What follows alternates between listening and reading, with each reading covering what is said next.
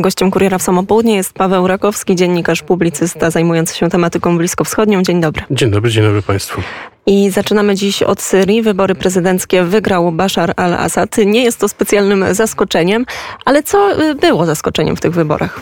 Nie, e, w, w, zaskoczeniem w tych wyborach na pewno były, było dwie sprawy. Jedno, jedno było takie, że e, no one zostały przeprowadzone i e, no, po prostu do nich doszło. To jest bardzo ważne, no bo tak jak chyba kilka miesięcy temu informowałem, no czeka, na Bliskim Wschodzie czekają nas szereg wyborów. Palestyńskie się nie odbyły, syryjskie się odbyły, nie wiadomo po co, ale się odbyły. No i czekamy jeszcze na irańskie w czerwcu, no i jeszcze będą wybory w Iraku, być może w Libanie. Tak więc, tak więc to, że te wybory się odbyły i to, że Bashar al-Assad no, ma jakiś mandat społeczny. Ten mandat społeczny wynosi 95,1. Właśnie on jest bardzo duży. Ale nie taki duży jak w przeszłości. To jest, to jest, to jest bardzo ważne. Natomiast e, oczywiście, e, co jest, co, co jest bardzo ważne, czy media relacjonując te, te wybory skupiły się na e, dwóch bardzo ważnych sprawach. To znaczy na tym, że Syryjczycy wyszli na ulicę i mieli tak powiem, czas radości, tak? E, no i też to, że można było się przyjrzeć miastom, które no, znamy, teraz na pewno słuchacze znają z tego, że były wielkim obszarem wojennym, takie jak Homs, Hama, Aleppo. No i te miasta były, można było się przyjrzeć, że jakiś proces odbudowy trwa. Tak więc, tak więc to jest na pewno pozytywne. Kolejną sprawą taką pozytywną jest to, że um, no, świat arabski, jak i też nie tylko świat arabski, bo też, bo też no, chociażby Cypr, e, czyli po sąsiedzku, zamierza e, w pewien sposób odtwarzać swoje stosunki dyplomatyczne z Syrią, z tą Syrią, która jest. Czyli, że Bashir al-Assad osiągnął swój kolejny sukces, jakim jest uznanie, ponowne uznanie go dyplomatyczne. Ponieważ od 2011 roku stopniowo szereg różnych państw zawieszało swoje stosunki dyplomatyczne z Syrią, żądając, żeby Bashar al-Assad zniknął z syryjskiej polityki. No, teraz, teraz widzimy, że Bashar al-Assad zostaje w polityce, no i świat się z tym godzi. To jest e, w miarę, w miarę konstruktywne, jeśli chodzi na pewno o a, przyszłość, przyszłość tego kraju. E, co też ciekawe jest też to, że no, widzieliśmy wiele różnych hołdów e, wiernopoddańczych, różnych elit religijnych, między innymi kościołów chrześcijańskich, które, które tam składały życzenia. Nie tylko w Syrii, ale też, też patriarcha e, prawosławny z Jerozolimy też, też złożył życzenia Basharowi al-Assadowi. E, no to jest, e, czyli, czyli tak jakby w pewien sposób potwierdza się ten obraz, bo Assad jako tego obrońcy chrześcijan, on nie jest do końca zgodny z prawdą, bo to już chyba nie mam czasu, żeby tego, tego, tego rozwijać, ale no, lepszy Asad niż to, co było poza Asadem, tak? Tak więc, tak więc to, jest, to, jest, to jest bardzo ważne. Wiemy też o tym, że e, sąsiednie państwa też reagują w miarę, w miarę pozytywnie na te wybory. E, też e, tutaj już kilka tygodni temu mówiłem o tym, że nawet Izrael pogodził się już z tym, że Asad musi być, tylko oczywiście warunkiem dla Asada jest wycofanie, znaczy usunięcie Iranu. A oczywiście Iran się nie chce usunąć, Iran wręcz przeciwnie, e, chce ekspandować z, e, i ekspandował to, to, co widzieliśmy w ostatniej wojnie. Natomiast e, no, generalnie mamy, mamy, mamy już coś, mamy, mamy pewnego rodzaju ład i skład. E, i teraz, teraz pozostaje teraz pytanie podstawowe, jak bardzo reprezentatywny jest to mandat społeczny, no bo tak, nie mam żadnych badań sondażowych, e, Syria nie ma możliwości kapitałowych, żeby stworzyć jakąkolwiek opozycję, no bo do prowadzenia polityki trzeba, trzeba funduszy, a Syria jest odcięta od jakichkolwiek funduszy. Nawet obserwatorzy zwracają uwagę to, na to, że na tych festach, które były, się odbyły w Damaszku, w Homs, Hama, a Tartus, nie zabrakło na przykład wielkich gwiazd muzyki arabskiej. To jest bardzo ważne, no bo e, no, jest to rynek bardzo potężny, jeśli chodzi o, e, o popkulturę, jak i też o te znaczenie, no bo jeżeli by, nie wiem, George Wassow czy Haifa Wahbe, czyli te, te największe gwiazdy by na przykład zaśpiewały dla Asada, no to Asad by uzyskał taki jeszcze większy mandat i uznanie, jeśli chodzi o sferę propagandową. No tego, tego zabrakło, e, no ale być może Asadowi zabrakło tam kilkuset tysięcy dolarów na, na, na, kontrakty. Tak więc, tak więc no, te wybory są, są oceniane jako nic, nic zaskakującego, ale dobrze, że były. To teraz e, przeskoczmy na chwilę z Syrii do Izraela. Powstaje pytanie, co dalej z Benjaminem Netanyahu? No to jest pytanie, które, e, które sam Benjamin Netanyahu sobie zadaje i, e, no i ma wiele różnych problemów. To znaczy przede wszystkim w ten weekend doszło do wstrząsającej informacji dla Benjamina Netanyahu odnośnie tego, że Naftali Bennett, jego protegowany dawniejszy, no postanowił jednak powołać rząd, który Netanyahu by nie obejmował. Czyli, że tak jak Naftali Bennett w trakcie konfliktu z Gazą i w trakcie zamieszek z ludnością arabską w Izraelu e, zapowiedział, że nie będzie rozmawiał z e, RAM i e, partią Mansura Abbasa, teraz widzimy, że szykuje się wielka koalicja rządu sprzeczności narodowej, no bo tak już bywa nazywany, ale która by obejmowała innymi Jaminę, tutaj ugrupowanie Jaira Lapida, Gideona Sara, no i też innymi partię Rami, czyli mamy duży, duży blok partii prawicowo-centroprawicowych, które, no i, no i z Arabami, tak? Czyli, czyli, czyli, czyli widzimy, że ten kryzys, który powstał w ostatnich tygodniach na linii e, ludność żydowska, ludność arabska w samym Izraelu, no jednak tutaj elity postanawiają jednak przeskoczyć go, co, co jest w miarę konstruktywne.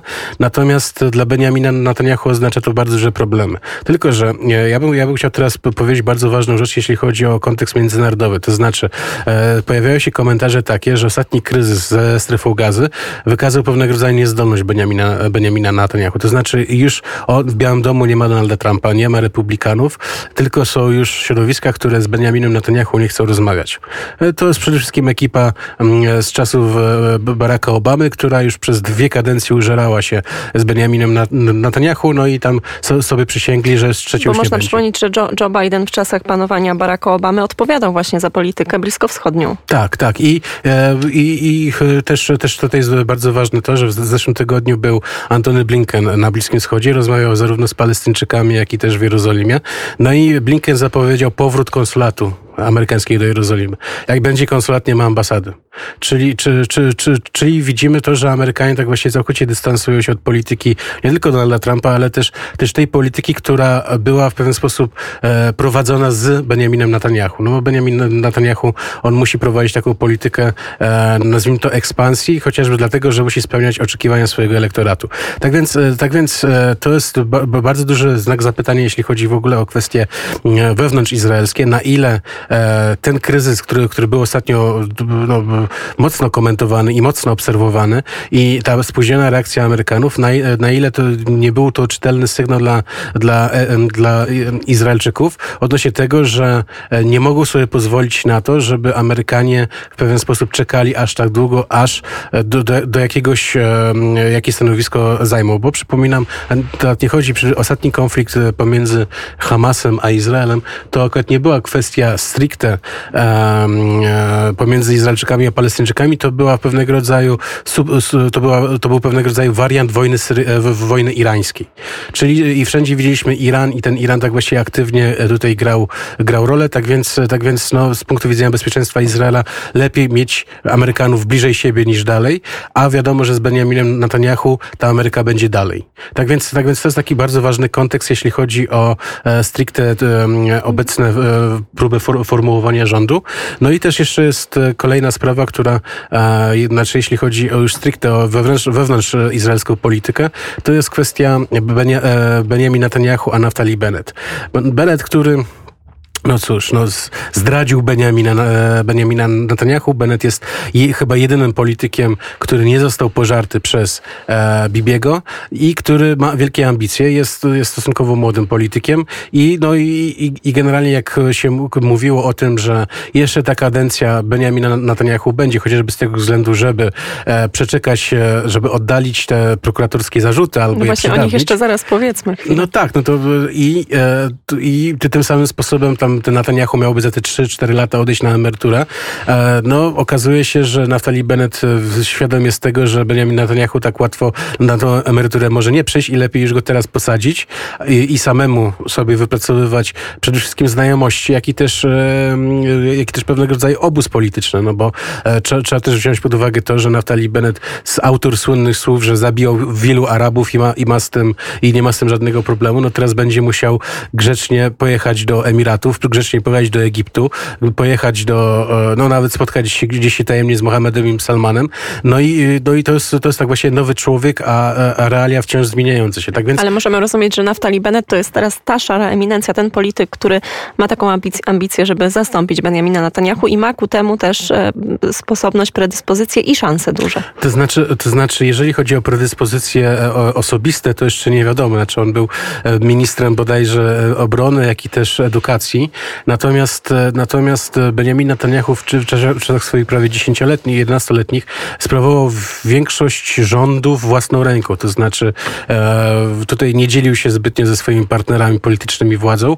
No i też narzucał wiele rzeczy. Tak więc, tak więc to by była naprawdę jego, jego funkcja taka do, do, on nie był sprawdzony wcześniej, no ale też nikt nie mógł być sprawdzony, no bo Benjamin Netanyahu tak długo siedział. Tak więc, tak więc chodzi o to, że jest bardzo dużo kontrowersji, czy Naftali Bennett będzie tym politykiem, który da radę. Ponieważ Izrael jest bardzo, bardzo trudnym krajem do prowadzenia, bo nie dość, że trzeba się tutaj politycznie, politycznie z całym światem w pewien sposób e, patrzeć i jak i też ustawiać, to przede wszystkim chodzi o to, że wewnątrz kraju trzeba, trzeba bardzo, e, bardzo uważać na koalicjantów, no bo znowu ten rząd tej niezgody narodowej, no to to oznacza to, że bodajże 61 e, posłów by mieli, e, taką, taką większość jednego posła de facto, czyli że ktoś zaśpi albo ktoś nie przyjdzie i rządu nie ma. Tak więc, tak więc to, jest, to jest e, bardzo duże ryzyko, jeśli chodzi o e, przyszłość izraelskiej polityki. No ale, ale, ale znowu, jeżeli, jeżeli nie teraz, to kiedy? Zastanawiają się komentatorzy. No i nawet wydaje się konstruktywne to, żeby jednak wziąć tych Arabów do rządu i żeby, i żeby jednak za coś odpowiadali.